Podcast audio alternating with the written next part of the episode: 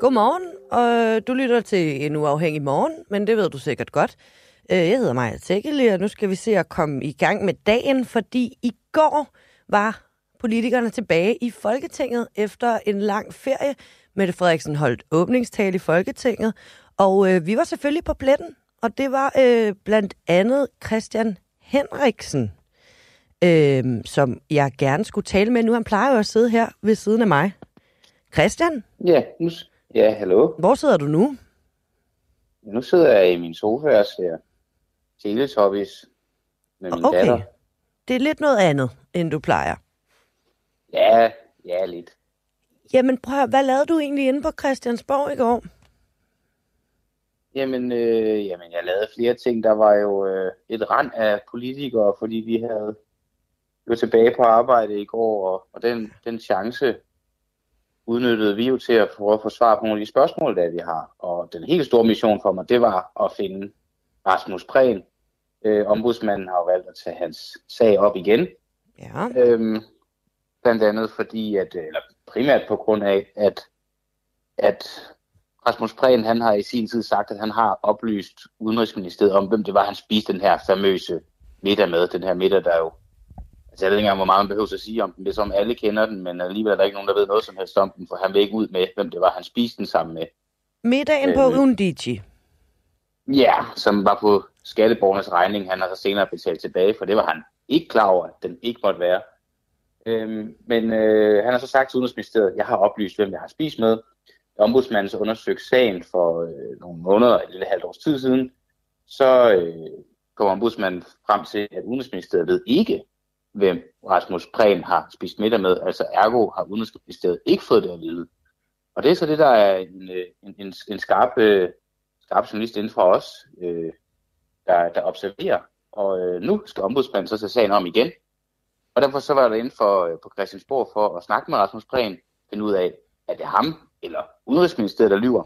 Og så havde jeg faktisk også kvitteringerne med Hallo? for, øh, for middagen. Dem havde printet ud, og så han havde jo skrevet Søren Wormslev bagpå dengang, som så viser ikke at være den, han havde spist med, hvilket gør- gør det hele endnu mere mærkeligt. Og du Øhm, faktisk... Men nu havde jeg altså en blank bagside med, og så øh, kunne han jo skrive det rigtige navn på den her gang, og så kunne vi få den her sag ud af verden. Og du fanger Rasmus Prehn to gange, både på vej Ja. ind i Folketingssalen og på vej ud. Skal vi ikke lige høre, hvad der sker på vej ind først? Jo. Rasmus, jeg har kvitteringerne med for, da det var, at øh, du spiste den her middag. Og der er en tom bagside. Jeg tænkte på, om du har lyst til bare lige at få skrevet om bag på, hvem det var, du spiste middag med. Ja, nå, så må vi jo lige vente på, at øh, talen er slut, og så vil jeg igen prøve at give den et øh, skud med, med Rasmus. Nå, han siger, han, han skal simpelthen ind. Er det ikke det, han siger, Christian? Jo, der er lidt dårlig lyd på ham lige der, men han siger, at øh, han giver sådan et, et faktisk et lidt kæk smil, og siger, at, øh, ja, at han skal ind, og så hopper han hastigt ind af, ind af døren, og så går Mette Frederiksens tale i gang, og så må vi jo bare stå og vente på, at han kommer ud igen. Og det gør han så, og det lyder så sådan her. Hej igen, Rasmus. Udenrigsministeriet, de siger, at de ikke ved, hvem du har spist frokost med. Du siger, at du har sagt til Udenrigsministeriet, hvem du har jeg spist har, frokost jeg, med. har, jeg har understreget over for Ekstrabladet, at øh, det simpelthen er forkert. Øh, det har de ikke øh, fået oplyst. Og hvis jeg på nogen måde har givet udtryk for det, så er det en fejl. Okay, så det er endnu en fejl måske. Nej, jeg ret- rettede det allerede i sommer. Så Men udelukker du, at du har givet udtryk over for Ekstrabladet om, at du skulle have oplyst Udenrigsministeriet, hvem du har spist frokost med? altså, det var en samtale, der var i sommer. Jeg har ikke nogen erindring om, hvordan den var. Ombudsmanden går, ind i, ombudsmanden går ind i sagen igen nu. Altså, vi kunne bare øh, få sparet alle de her skattekroner og undersøgelsespenge på, at du fortæller mig nu, hvem du spiser frokost med. Ja. Men det gør du ikke. Nej. Er der nogen af jer to, der ved, hvem Rasmus Prehn han spiste middag med? Det var ikke, det var ikke en af jer, så? Nej. Okay. Jamen, god dag. Det udelukker i hvert fald to. Christian, synes du, du blev klogere her? Jamen, både og. Jeg blev i hvert fald ikke klogere på, hvem det var, han spiste den her middag med, men jeg blev jo klogere, og så samtidig med den nye viden endnu mere forvirret i forhold til, om det er ham eller Udenrigsministeriet, der taler usandt om, hvorvidt oplysningen skulle være videregivet til dem. Fordi det, han så siger, det er, det er jo en udtalelse, han har haft til Ekstrabladet, at jeg har oplyst Udenrigsministeriet om, hvem det var, jeg spiste min middag med. Nu siger han jo så, at det citat i Ekstrabladets artikel, det er ikke rigtigt. Han har aldrig sagt til Udenrigsministeriet, hvem han har spist middag med, og han har heller ikke sagt til Ekstrabladet, at han har sagt til Udenrigsministeriet, hvem han har spist middag med. Så nu er spørgsmålet så, om det er Rasmus Prehn eller Ekstrabladet, der taler usandt. Hmm. Jeg tænker, vi holder fast. i virkeligheden. Ja, ja, det gør vi da. Det gør vi da. Jeg har jo stadig kvitteringerne, og der står stadig ikke noget navn bagpå, så det er ikke sidste gang, han får den chance. Og det er Christian. jo også bare det, der er så tosset. Ja. Nej, hvad er det, der er tosset? Nu bliver det brugt. Jamen, hvad, Jamen, hvad er det bare brugt så meget. Jamen, det, jamen så hold da op. det, det tosset er, at, at, at øh, nu skal der bruges en masse skattekroner og penge og tid og ressourcer på, at ombudsmanden nu igen skal gå ind i sagen. Måske endda på en forkert øh, grundlag, men det er så, hvad det er. Han har genåbnet den. Nu skal han så igen gå ind i den for at finde ud af, altså vi kunne få det hele ud af verden ved Rasmus Prehn. Han bare nu sagde, hvem det var, han spiste middag med. Så kunne vi spare alle de penge, al den tid, alle de ressourcer, det kunne blive brugt på noget andet, meget, sikkert meget mere fornuftigt. Og det er i virkeligheden der, sådan det principielle i den her sag øh, opstår for mig, og også for rigtig mange andre, kan jeg jo læse. Altså det er jo, det er jo et spild af tid og skattekroner, det her. Tak fordi du prøvede, og øhm, lad os prøve at se, om du ikke får anledning til at prøve igen. Christian, kan du ikke have en god morgen? Vi ses i morgen. Ja, vi gør. God sender. Tak. Jamen, øh, godmorgen Mark, godmorgen Dorte, godmorgen Maja, godmorgen Mik. Jeg kan se, I skriver godmorgen ind i live-udsendelsen, og øh, som øh, Maja skriver, god arbejdsløst, tak. Og som Mark skriver, så er det hump day. Også rigtigt. Vi er stadig på arbejde. I går ringede min øh, bror til mig, han bor i England. Han skulle bare lige tjekke, om vi i Danmark stadig taler om hele spørgsmålet, om Stor Bededag skal aflyses. Og der sagde jeg til ham, det gør vi stadig. Fordi regeringen vil jo som bekendt ved lov afskaffe Stor Bededag for at skaffe flere penge til forsvaret. Hvis man er gået glip af den information, så har man altså lige fået den nu her.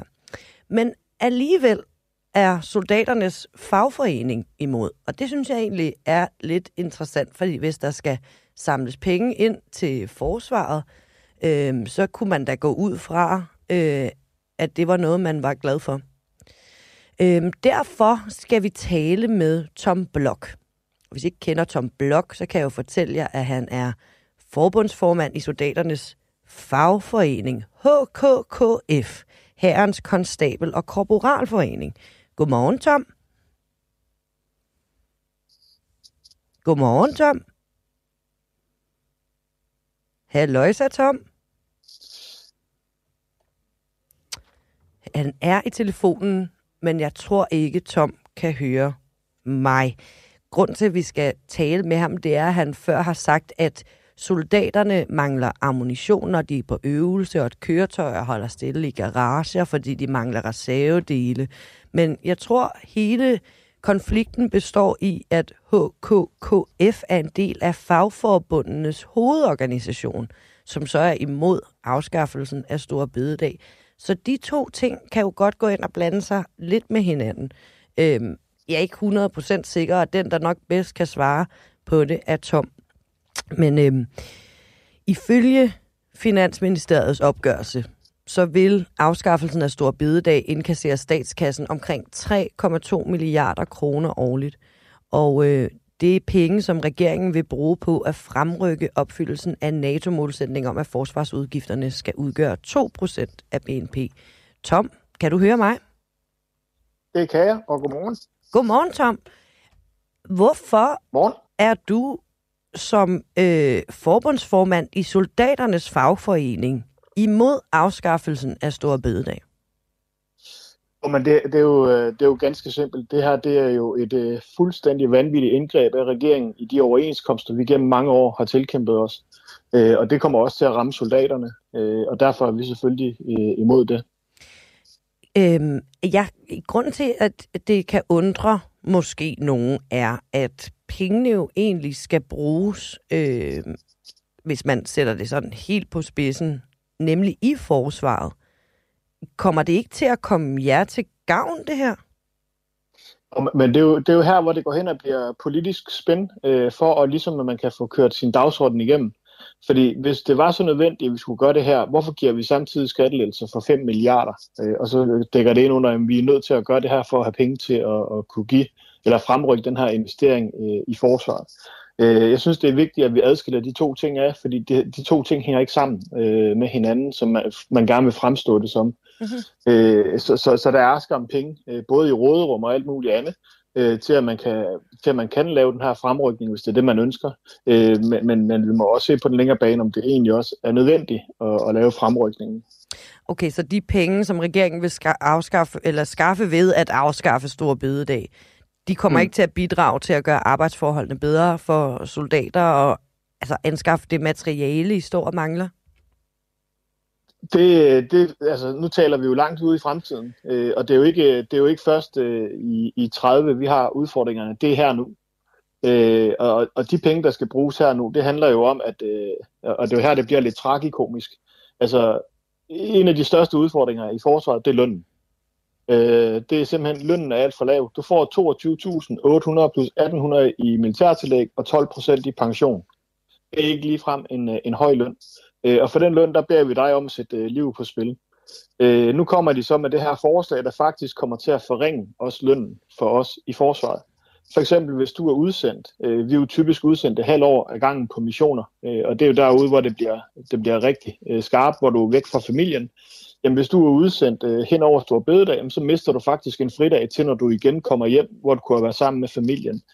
Øh, og det samme med nogle af de tillæg, vi har, for, vi har forhandlet os frem til, hvis du arbejder på Stor Bededag.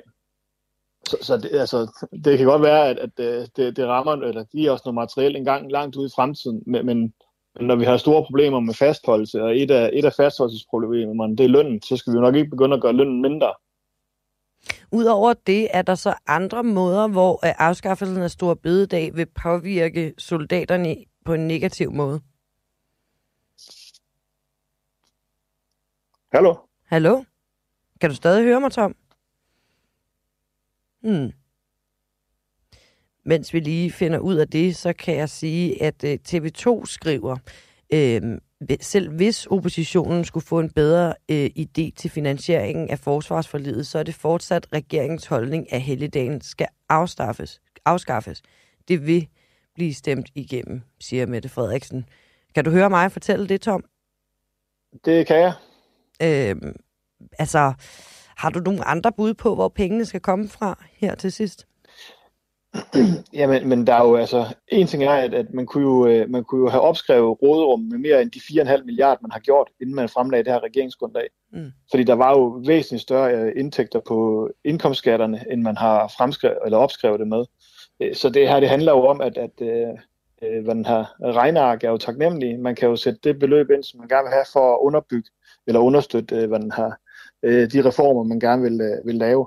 Og jeg synes bare, det er ærgerligt, at vi nu øh, sætter lighedstegn mellem øh, en, en afskaffelse af stor bededag i forhold til de kæmpe udfordringer, vi står over med overfor i, i forsvaret. Fordi de to ting, de hænger simpelthen ikke sammen. Og det andet, der jeg synes, der er rigtig uelegant, det er, at man nu også kræver, at det nærmeste adgangsbillet, øh, jeg ved godt, de bløder lidt op på det, men, men at det nærmeste adgangsbillet for at kunne være med i forsvarsforlisforhandlingerne. Øh, for vi har ikke brug for uro på det her område, vi har brug for ro Øh, og det kræver en bred politisk enighed, sådan at vi soldater, når vi er udsendt, øh, ved, at vi har politisk opbakning, og at vi ikke bare bliver, hvad den har brækker i et, øh, i et politisk hvad den har slagsmål. Og lige præcis den del af forhandlingerne skal vi faktisk videre til nu Tom Blok, forbundsformand i Soldaternes Fagforening. Tak fordi du var med her til morgen. Kan du have en god dag? Og i lige måde, tak. Tak inden vi skal videre i Store Bededags øh, spørgsmålet, så bliver jeg jo nok lige nødt til at sige, som altså, en af dem, der har interesseret mig for Pernille Vermunds exit fra Nye Borgerlige som formand, og øh, spørgsmålet om, hvem der egentlig kommer til at blive ny formand, øh, at folketingsmedlem Lars Bøje Mathisen i går meddelte partiets hovedbestyrelse, at han stiller op som formand for partiet.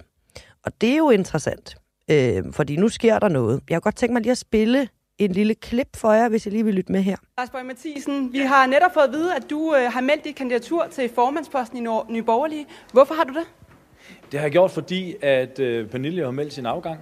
Og øh, jeg mener, jeg er den rette til at videreføre den kurs, som øh, både Pernille Vermund, men også Peter Sejer har, har lagt i partiet. Så jeg kommer til at føre det fundament videre, som de har gjort. Og nu skal vi have bygget øh, første sal på huset. Og hvorfor er du den rette? Det er fordi, at jeg har parlamentarisk erfaring. Øh, jeg er moden. Jeg har haft mange år både i det offentlige og i det private. Jeg har også været selvstændig erhvervsdrivende. Jeg har siddet derinde de sidste fire år. Jeg har siddet i nogle benhårde coronaforhandlinger. Så jeg har siddet og forhandlet med partiledere. Jeg har siddet og forhandlet med de andre, øh, som sidder i toppen af de andre partier. Og så har jeg en god gennemslagskraft til at få vores politik ud i medierne.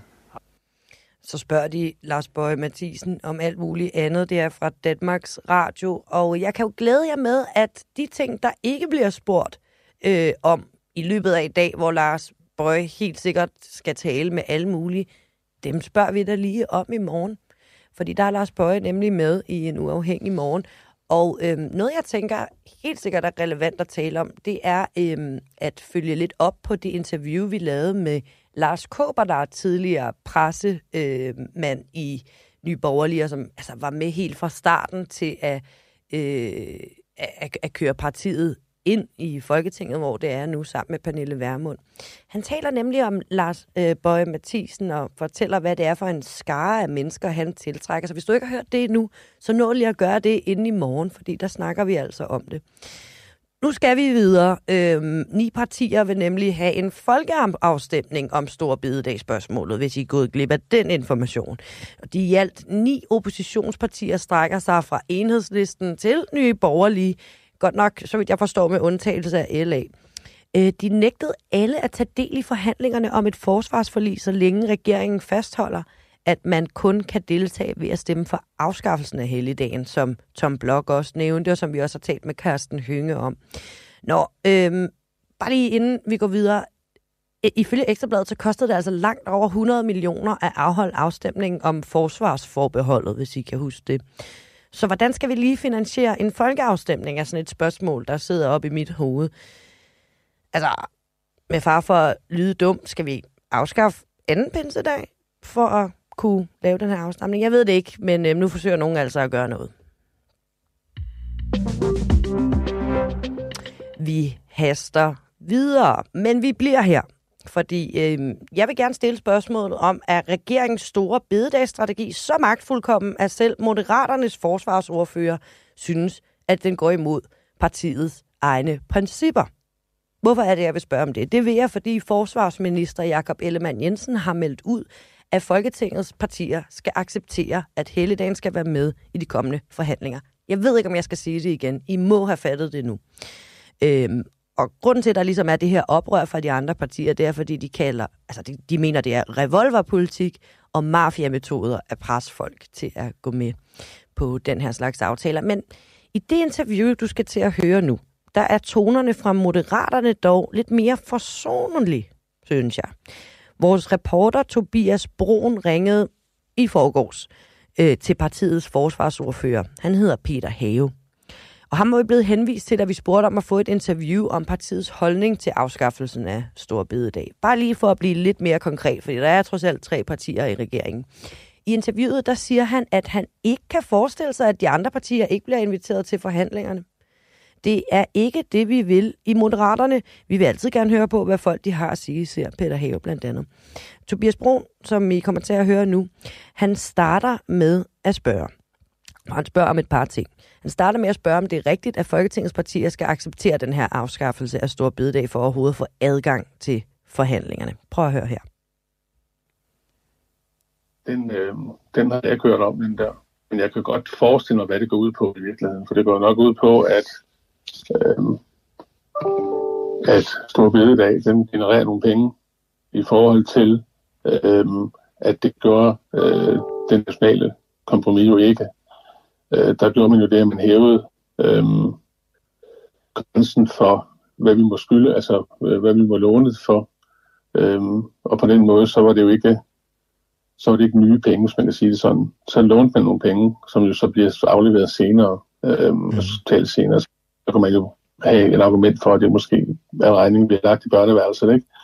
Hvor vi så øhm, med den her store bededags ting øh, kan generere øh, penge fremadrettet hvert år, hele tiden, fordi vi skal bruge flere penge, blandt andet til vores forsvar. Kunne jeg forstå, at du ikke havde hørt om det her med, at det kun er partier, der siger ja til afskaffelse af, af Stor Bededag, som vil være med til at forhandle forsvarsforledet. Øhm, men din formand Lars Lykke har været ude at sige, at det vil selvfølgelig være et vilkår, at hvis man skal være med til at bruge penge, skal man også være med til at skaffe dem. Øh, og at afskaffe ja. den her helligdag, det er en massiv øh, finansieringskilde. Han bliver overrasket, hvis nogen havde andre brugbare forslag til, øh, til, til at matche det. Vil, vil man slet ja. ikke lytte på de, de andre partier? Øh, det kunne måske være, at de havde nogle idéer til, hvordan man kunne skaffe nogle penge. Jeg, jeg tror da ikke, at der er noget, man ikke vil lytte. Men nu spørger du mig. Jeg er jo et mm. nyt folketingsmedlem. Mm. Jeg har været inde i forhandlinger. Jeg ved ikke, hvordan forhandlingerne de foregår, og hvornår de kommer til at foregå. Men jeg kommer til at være en del af det, det er med på, men, men jeg kan ikke svare på det spørgsmål, du stiller mig der. Nej. Øhm, men jeg har ikke nogen tanke om, at man ikke vil høre på folk. Det, det er mm. ikke vores... Øh, det er ikke det, vi vil i Moderaterne. Vi vil altid gerne høre på, hvad folk har at sige. Ja. Men er det så ikke en god idé at invitere de andre partier med til øh, at forhandle forsvarsforlidet, selvom de ikke stemmer ja til afskaffelsen af Stor Bededag? Jamen ja, det er altid godt at invitere til forhandlinger. Mm. Uanset. Altid godt. Ja. Så du vil egentlig opfordre til, at, at, at de partier de bliver, de bliver taget med i, i forhandlingerne til forsvarsforlidet, så man kan høre øh, deres side og, og høre deres øh, forslag til, øh, til det kommende forsvarsforlig? Jamen, det har jeg da, det har jeg da en, en, en tanke om, at det bliver de der. Ellers ikke, det, det vil jeg da forestille mig, at de bliver inviteret til. Jeg, kunne da ikke, jeg kan næsten ikke forestille mig det. Okay. Øhm... Det, det... Mm. Men det lyder godt. Mm. Kom. Hvad hedder det? Har du, kunne du forestille dig, at man kunne lave andre tiltag end at afskaffe Stor Bededag, øhm, så man kunne skaffe den her øh, mængde penge, der skal bruges? Det er et godt spørgsmål. Jeg har ikke, øh, det har jeg ikke brugt øh, tid til at, det har jeg ikke brugt tid at tænke over. Mm. Øhm, som sagt, så er jeg jo øh, ret ny og fået tre rimelig store ordførerskaber, som jeg kommer ind i efter bedste evne hurtigst muligt. Øhm, så, men ja, altså det, hvis der er, findes andre finansieringsmuligheder, så skal vi jo så bruge dem. Og der, øh, vi skal jo også øh, vi skal bruge mere end de der, flere end de penge for at, at få tingene til at hænge sammen i hele vores statsbudget, hvis vi gerne vil noget med, både med forsvaret og med, mm. med vores velfærdssamfund, så, så skal vi jo have nogle flere. Så skal vi bruge flere midler, simpelthen. Ja, det er klart. Så, så vi skal jo ud og kigge efter det. Så der skal findes andre måder at, at få penge. Mm. Altså få, få penge altså til, til at, at komme fremadrettet, og ikke bare øhm, engangs altså penge. Mm. Du forstår? Ja, selvfølgelig. Ja. Øhm, men hvad synes du egentlig selv om afskaffelsen af, af Stor Bededag. Hvis, synes du, det er en god idé, hvis det stod alene til dig, vil du så afskaffe Stor Bededag som helligdag? Ja, det tror jeg. Selvom jeg har et hotel, hvor vi øh, øh har øh, fester og sådan ting, øh, på Stor Bededag, så, så tænker jeg, at, at det er... Øh, det er, ikke, det er ikke så meget givet dag. Altså, det er ikke så meget at give, tænker jeg, øh, for os alle sammen, for at være med til at få finansieret de her ting. Det er trods alt bedre, at vi har øh, den frihed, vi har. Øh, og den kan vi ikke bare tage for givet. Det kan vi jo se 1500 km væk fra, hvor vi bor. Mm. Der er der altså nogen, der ikke har frihed på den måde, som vi ønsker, den skal være.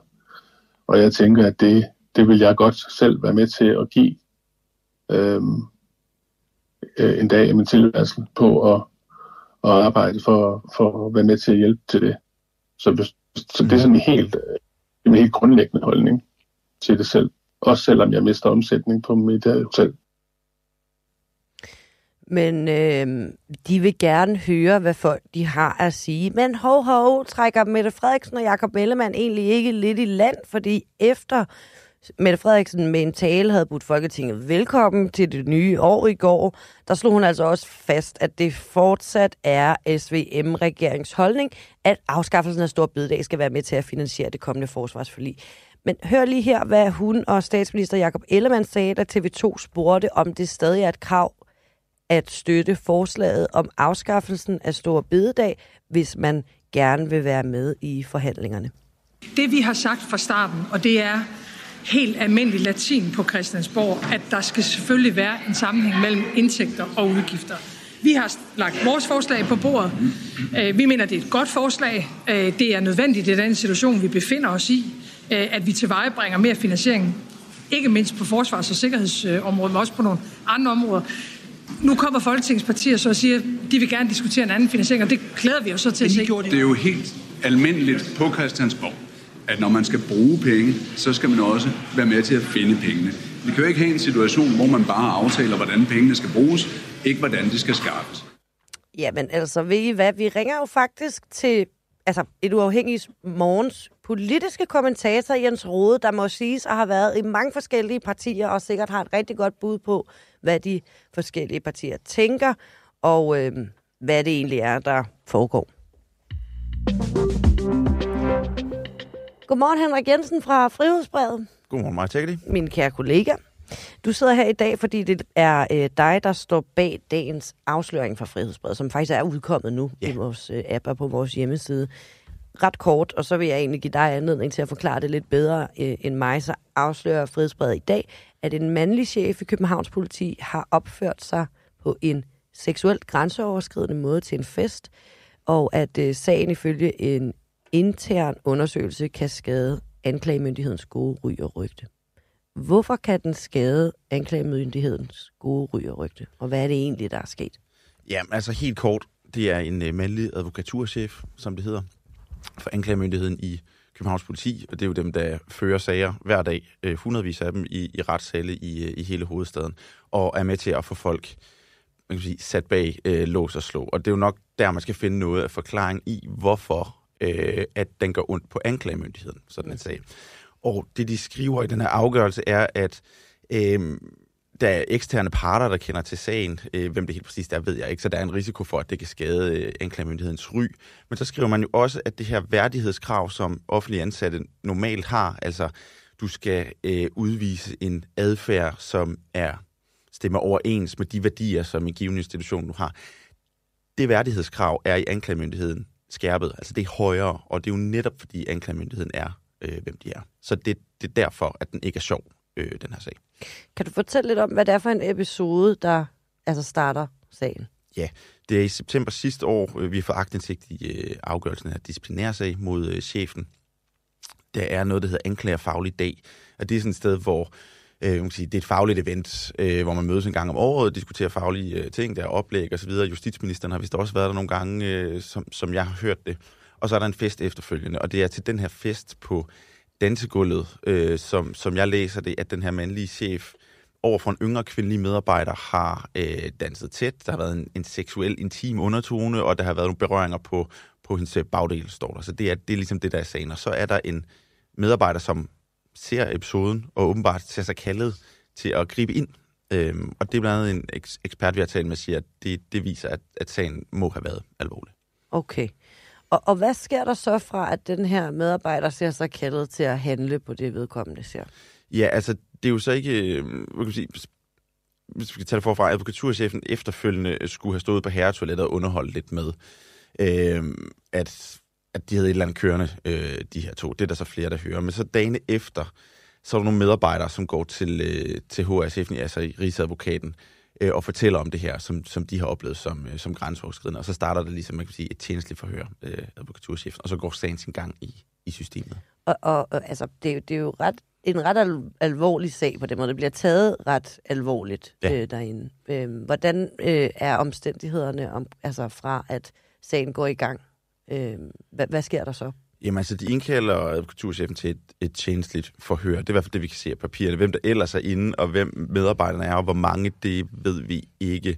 Men han vedkender sig i hvert fald i store øh, træk, hvad der er foregået. Og så skal man jo finde ud af, hvad skal der så ske? Øh, skal der være en sanktion? Og det, de så kommer frem til, det er, at der skal være en, en irettesættelse. Øh, mm. Og det er noget, man kan i tjenestemandsloven, altså give til offentlige ansatte. Hvad betyder en irettesættelse? Er det en samtale, hvor de siger, hallo, man kan sige, det er skridtet over en advarsel. Hvad betyder det så konkret? Jamen altså, det betyder i hvert fald, at nu... Altså, det er meget kraftigt gult kort, tror jeg, man kan sige. Ikke? Altså, okay. vi, vi, vi så jo Mink-sagen, hvor vi blev bekendt med de her sanktioner. Ikke? Øh, der var nogen, der fik advarsler, så er der en i rettesættelse. Det er det næste skridt. Ikke? Så kan du få bøder, øh, så kan du blive for, mm, forflyttet, øh, og så kan du blive afskedet. Ikke? Det er sådan cirka det, du kan. Det er det spektrum. Og, og det, de så siger i anklagemyndigheden er, jamen, en i rettesættelse, det er en meget alvorlig sanktion, siger de.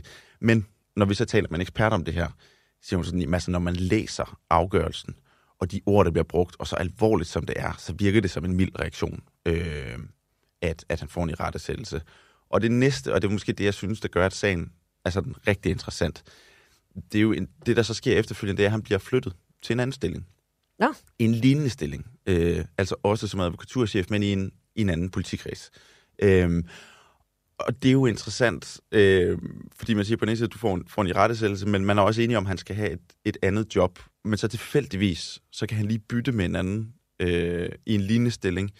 Øh, og, og det er jo det, den her, den her ekspert siger, det, det, virker, øh, det virker meget interessant, og det åbner nogle spørgsmål, synes jeg. Og er det en lignende stilling det samme sted, eller er det et andet sted? Det er en anden politikreds, ikke? Så det er, jeg tror, det er Sydsjællands og Lolland Falsters politi. Så har han lavet en, Er det egentlig bytter. en smule, altså er det ikke lidt atypisk, at man som følge af en irettesættelse, så også på baggrund af grænseoverskridende adfærd, bliver tilbudt en, altså jeg ved ikke om det er en topstilling, men en ret, ret høj stilling. En advokaturchef er en øh, relativ... Det er, et, det er en topstilling, tror jeg godt, man kan sige, øh, i anklagemyndigheden. Er, er det normalt at, at, at håndtere sager på den her måde? Jamen altså, jeg har jo stillet en masse spørgsmål til anklagemyndigheden derinde, og vil jo, øh, altså, vil jo gerne høre, hvad, hvad deres overvejelser var om det her, fordi jeg synes jo, det åbner nogle spørgsmål, når man flytter, jamen altså, så flytter han et andet sted hen, og, og hvad så der, og så videre, og altså, hende eksperten, jeg har talt med, siger, at det har man set før, det her, øh, og det er jo, det er jo en interessant debat, og en svær debat, og, og, og, og grundessensen den debat er vel, jamen altså, hvor voldsom, øh, hvad kan man sige, en forseelse lyder lidt åndssvagt i, øh, i, i den her sag, ikke? men altså, hvor stor skal ens brøde være øh, i forhold til konsekvensen af det, ikke? Øh, der er jo ikke nogen, der er dømt her. Øh, kvinden ønskede ikke selv at anmelde øh, episoden, siger anklagemyndigheden. Vi ved ikke helt hvorfor, det kan jo skyldes alle mulige ting, vi aner ikke hvorfor. Øh, så der er ligesom en masse ubekendte i det her. Så man kan sige, det gør det jo samlet set svært at altså, vurdere, er det okay eller er det ikke okay, men det er jo en, det er jo en virkelig interessant debat om, øh, hvad stiller man op i den her type sager. Ja, og altså, hvor, hvor, hvor øh, hvilke to perspektiver er der på det? Der er vel spørgsmålet om, at manden ikke er dømt, øh, og at, øh, at kvinden ikke ønskede at øh, indberette det selv. I hvert fald sige, jeg ved ikke, om han, det med, han ikke er dømt, men det er jo mi- måske mere sådan, at hvis de forhold, der jeg taler om, han bliver anklaget for, jamen, altså, at det er et, at det er et decideret strafbart forhold, det er jo svært at vide, når vi bare læser de her papirer, det aner vi jo ingenting om. Okay. Øhm, men man kan jo sige, der er i hvert fald et, ja, ja, hvad er perspektiverne? Det er et godt spørgsmål. Altså, der er i hvert fald et perspektiv i sådan, altså, det han gør her, altså, hvor voldsomt er det mm. øh, målt op mod konsekvensen? Det er jo det, man altid skal, Klart, ja. Skal, det. skal måle ud på, ikke? Øhm, øhm, og, og der er det bare eksperten her siger, at altså, når du læser det her, hvor de jo, Rigsadvokaten skriver, at altså, du er ikke, det er ikke værdigt for en chef i en offentlig myndighed, og slet ikke anklagemyndighed, at opføre sig på den her måde. Det kan skade vores ry og rygte, og så videre, og så videre. Sammenholdt med, her, tage en anden topstilling. Det er jo Ja. der, det bliver interessant, synes jeg, og det er jo der, der er nogle spørgsmål at stille, og der er flere spørgsmål, som vi skal have svar på, det vil vi selvfølgelig prøve, ikke? Hvad, hvad har du øh, talt med Københavns politi? Jeg stiller nogle spørgsmål, og de svarer, det er ikke en- svar, nej, de svarer på skrift. Og det er jo, det er jo ikke så overraskende, det er det er en personale sag. Øhm, så det gør jo, de skal selvfølgelig også være forsigtige med, hvad de siger. Øh, hvad er det for nogle spørgsmål, du gerne vil have svar på fremadrettet? Jeg vil rigtig gerne høre overvejelserne om, øh, man kan sige, det er jo en personale sag, det her, det er øh, fint nok, men selve konsekvensen af det. Øh, hvad er den specifikke overvejelse? Hvor meget skal der til, øh, før man kan tale om en afskedelse? Hvor meget, kan der, hvor meget skal der til, før man kan tale om, om bøder? Og alle de her sanktioner, øh, synes jeg jo er interessante. Altså, hvor går grænsen på en eller anden måde? Øh, det er ligesom det er hovedspørgsmålet, synes jeg. Tak fordi du kom og fortalte om det, Henrik. Hvis man øh, gerne vil komme lidt mere ned i materien, så kan man læse historien, der ligger i Frihedsbredets app og på vores hjemmeside nu. Øh, held og lykke med at finde ud af resten. Jeg håber, du kommer tilbage igen meget snart. Det gør jeg. Tak. Godt. Hej. Der sker jo en masse andre ting end øh, spørgsmålet om Stor Bededag. Men det er som om, at det er det, der optager danskerne. Så derfor øh, vil jeg gerne lige fortælle jer noget, der går op i det. Øh, jeg ved ikke, om I har bemærket, at der findes en hjemmeside, der hedder bevarstorbededag.dk.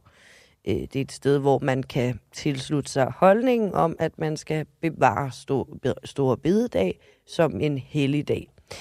Øh, Sofie Frøkær, der er politisk journalist herinde, øh, og øh, øh, hendes kollega, vores kollega Mikkel Jensen, har skrevet sådan her til os, at det altså er integrations- og udlændingeminister Kåre Dybvad Bæks gamle spindoktor, særlige rådgiver, som man også kan kalde det, Helge Toksvig Bjerre, som er kampagnemanden bag Store Bid, Bevar Store Bidedag.dk. Det er nemlig hans virksomhed Taylor Agency, der står registreret som ejer af domænet. Vi har selvfølgelig kontaktet Helge Toksvig Bjerre for at altså, bede om et kort interview om, hvordan det føles ligesom at have skiftet side på den her måde. Altså, og med det mener jeg ikke side i forhold til spørgsmål om Store Bidedag, men altså at stå først og rådgive øh, Kåre Dybvad Bæk, der jo som bekendt er socialdemokrat, og øh, nu altså lave en hjemmeside.dk, der er øh, i, i et opposition til et forslag fra Socialdemokratiet.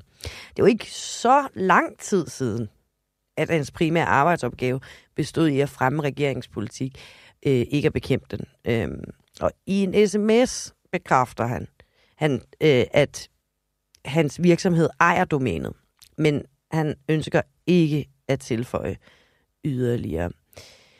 Og øh, Taylor Agency, jeg ved, det kan jeg jo lige sige, har ifølge deres hjemmeside øh, 3F og HK som kunder. Og sådan kan svingdøren i politik jo svinge rundt og rundt øh, den ene og den anden vej.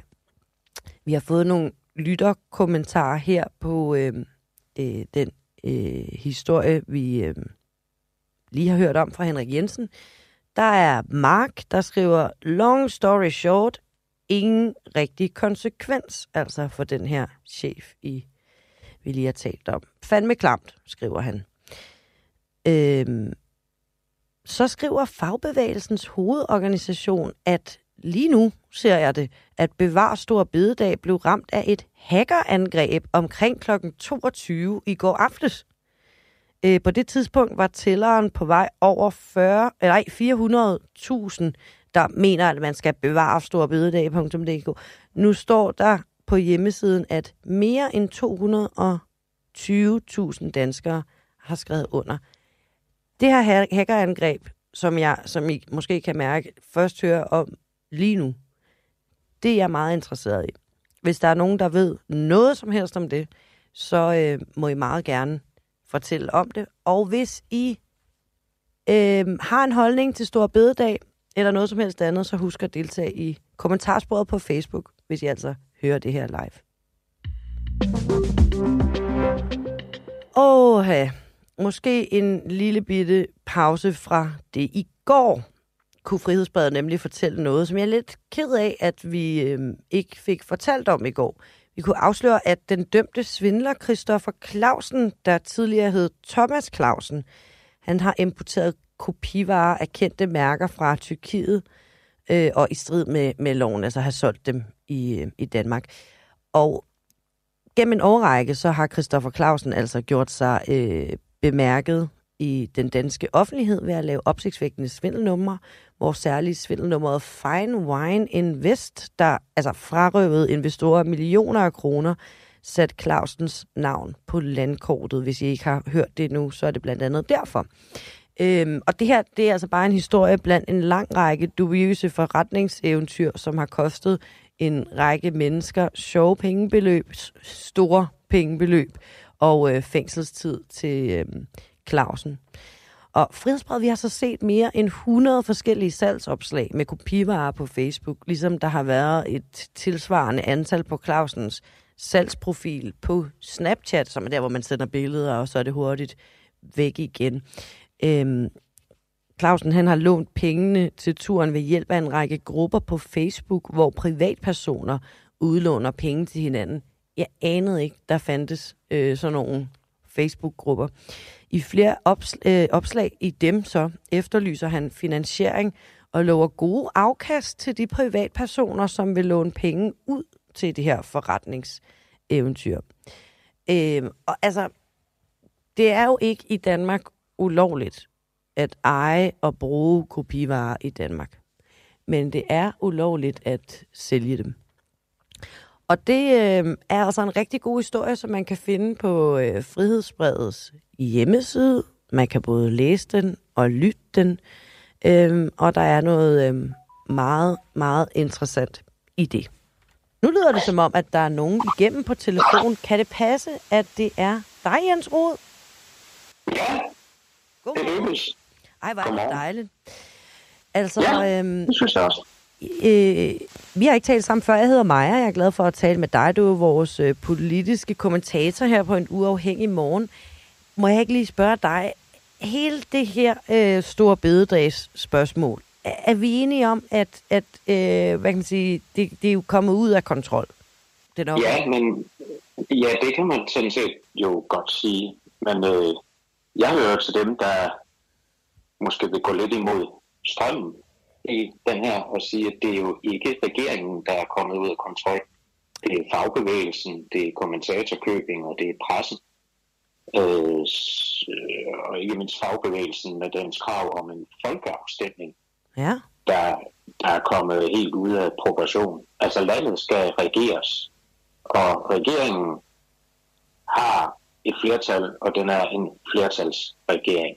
Jeg har jo mange gange her i radioen sagt, at alle dem, der sagde, at Mette Frederiksen var magtfuldkommen tidligere, de kommer til at ønske sig tilbage til den tid, hvor Mette Frederiksen var en etpartiregering. For meningen med en flertalsregering er jo netop, at den skal kunne træffe nogle beslutninger, som øh, kommer til at vække nogen opstand i øh, befolkningen. Det er hele ideen med at lave tingene hen over midten. Og jeg tror, at regeringen er nødt til at have is i maven, gennemføre sin beslutning og vise, at, den, at det giver mening, at man har lavet en regering hen over midten, at det er en flertalsregering, og så vil, skal vi sige, protesterne og alt det her, de vil være store, men om halvandet år, så tror jeg ikke, der er mange af os, der tænker ret meget mere over stå bededag, så er sådan, det er. Og, øh, og så er man videre i livet. Og derfor tror jeg ikke på, at det vil få nogle meget... Jeg tror ikke på, at det får langsigtede konsekvenser for øh, regeringen. Så mit gæt er, at de står fast, ganske enkelt, fordi det er de nødt til. Kan du ikke lige sige lidt mere om, hvordan du øh, mener, at øh, altså fagforeningerne, og så vidt jeg også kunne forstå på der pressen, og, og, og, og dem, der ligesom øh, reagerer på den her, øh, øh, det her ønske om at afskaffe stor bededag, hvordan de er kommet ud af kontrol? Altså, hvad, hvad, hvordan ser du det? Det hele bliver lige pludselig sat ind i en krisestemning over for regeringen, og det mener jeg ikke, at man kan øh, gøre det. Jeg hørte Peter Mogensen i går i Mogensen og Christiansen sige, at regeringen er nødt til at få den her flyver ned på jorden igen. Nej, det er sådan, at når man har sat en flyvemaskine op i en vis hastighed, så er der jo øh, ud af startbanen noget, der hedder point of no return, og det vil sige, at øh, så skal du få den der flyver øh, op i luften, uanset hvad der kommer foran den. Og der er øh, regeringen jo for længst på nuværende tidspunkt. Den er for længst over point of no return. Så den er nødt til at få den her flyver til at øh, lette. Og den er også nødt til at gøre det relativt hurtigt. Det kan man så diskutere, om det øh, er i overensstemmelse med regeringsgrundlaget. Men den er nødt til at gøre det hurtigt af hensyn til overenskomstforhandlingerne. Mm. Øhm, øh, men, men, men kravet om en folkeafstemning, som Ekstrabladet er ude med i dag, som fagbevægelsen er ude med, mener jeg er skudt helt, helt over målet. For det første, så er folkeafstemninger, det er jo i min optik i hvert fald noget af det mest udemokratiske, vi kan have, fordi folkeafstemning efterlader jo sådan set hele regningen på gulvet. Den efterlader ikke muligheder for nogen kompromiser. Det er jo bare et ja eller et nej. Og så står man der i en låst situation, og så er det så op til nogen at fortolke det her efterfølgende. Det er ikke en farbar vej. Desuden er øh, ståbededag, hvis vi skal have folkeafstemninger om, hvorvidt vi skal have en ståbededag i fremtiden, det vil jo sætte en præcedens i gang, som øh, vil give folkeafstemninger hver eneste gang regeringen kommer til at fremlægge noget, der bliver upopulært i befolkningen. Og så ender vi, ligesom man øh, gør i Schweiz, med folkeafstemninger om øh, farven på toiletpapiret øh, på de offentlige toiletter til sidst. Og det mener jeg ikke er hensigtsmæssigt, men det er jo så en personlig kommentar i den sammenhæng. Jeg tror også, at øh, jeg husker det som om, det var Mette Frederiksen, der i går sagde, jamen altså, så kan vi jo have øh, folkeafstemninger hver måned, hvis øh, det er på den måde. Det er faktisk det, man har i svært. Man har virkelig mange folkeafstemninger om øh, mange ting. Og problemet er, at de altid øh, låser det repræsentative demokrati fast ved at sige, det her kan I ikke gennemføre. Men der er jo ikke nogen svar på, hvad man så skal gennemføre for for eksempel at få økonomien til at hænge sammen. Vi kan sagtens kritisere regeringen for at lave det, jeg kalder en logisk brist i krydset, og vel heller ikke den mest begavede krydsfortælling om krig i Ukraine, forsvar og så stor bededag. Den giver ikke ret meget mening, tror jeg, for ret mange mennesker. Øh, så, så, så, så den krydsfortælling, tror jeg, man kunne have gjort øh, bedre i min analyse, at havde man bredt det mere ud og have talesat sygeplejerskernes lønvilkår, øh, klimaudfordringer, investeringer i noget af det, der sådan mere vækker følelser i os alle sammen, og som vi godt kan se berører vores velfærd. Øh, den havde måske været en lille smule bedre, men det tror jeg så, man skal se ind i lyset af, at det for Venstre er vigtigt, at de penge, der kommer ud af stå bededag, at man afskaffer det, den finansiering, den skal gå til Venstres hovedministerium og Venstres leder, og det er Venstre, der skal have æren for at genopbygge vores forsvar. Så det er mm. sådan en skal vi sige, politisk skrivebords tankegang, og det er den, der tit støder lidt øh, imod fortællingen i gør, gør tingene svære at sluge for befolkningen øh, ude i, øh, i landet. Alt det der omkring den kommunikative strategi, mener jeg jo, at der er grundlag for at øh, diskutere og, og kritisere. Men jeg tror, at regeringen er nødt til at stå fuldstændig fast nu og sige, det er der, vi er, og vi kommer til at gennemføre det her, uanset hvad den samlede opposition meddeler, den har meddelt, at den ikke vil gå til forhandling på den her præmis. Men så må den undlade at gøre det, fordi jeg tror, at det bliver et større problem for Søren Pape og konservative Folkeparti at stå uden for et forsvarsforlig, der rækker langt ind i fremtiden. Hovedparten af deres vælgere kommer jo fra, øh, en stor del af deres vælgere kommer jo fra det danske forsvar.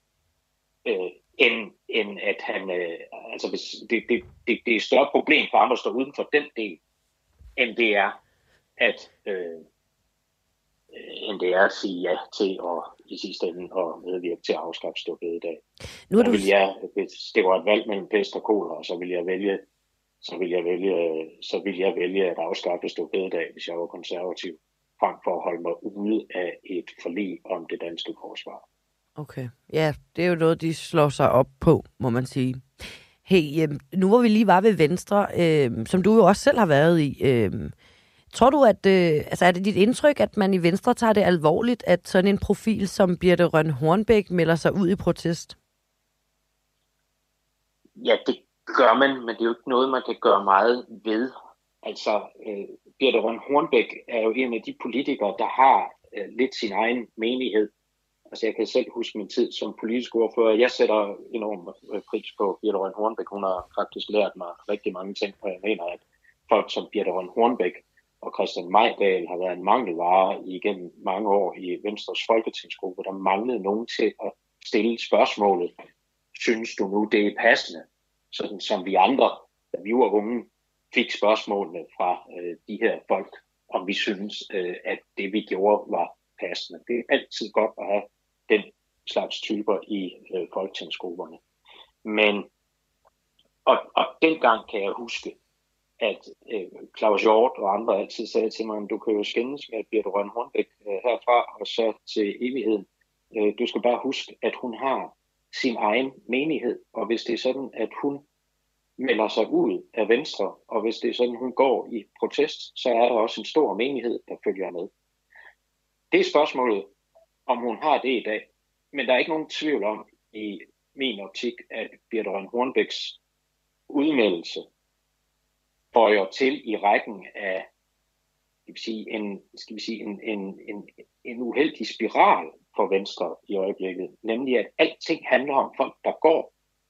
Vi hører ikke om folk, der melder sig ind eller siger, nu vender vi tilbage til Venstre, fordi Venstre har for eksempel taget et opgør med, den, med højrefløjen, eller gjort et eller andet.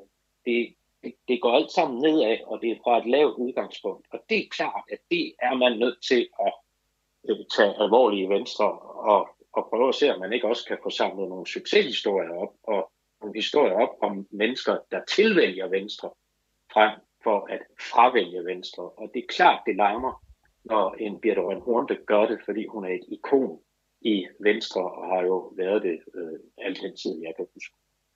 Bare lige her kort til sidst, hvor vi løber på de sidste minut nærmest. Øhm, altså, begår regeringen en fejl ved at få stor bededag til at handle om forsvar og militær? Det synes du var lidt inde på det tidligere.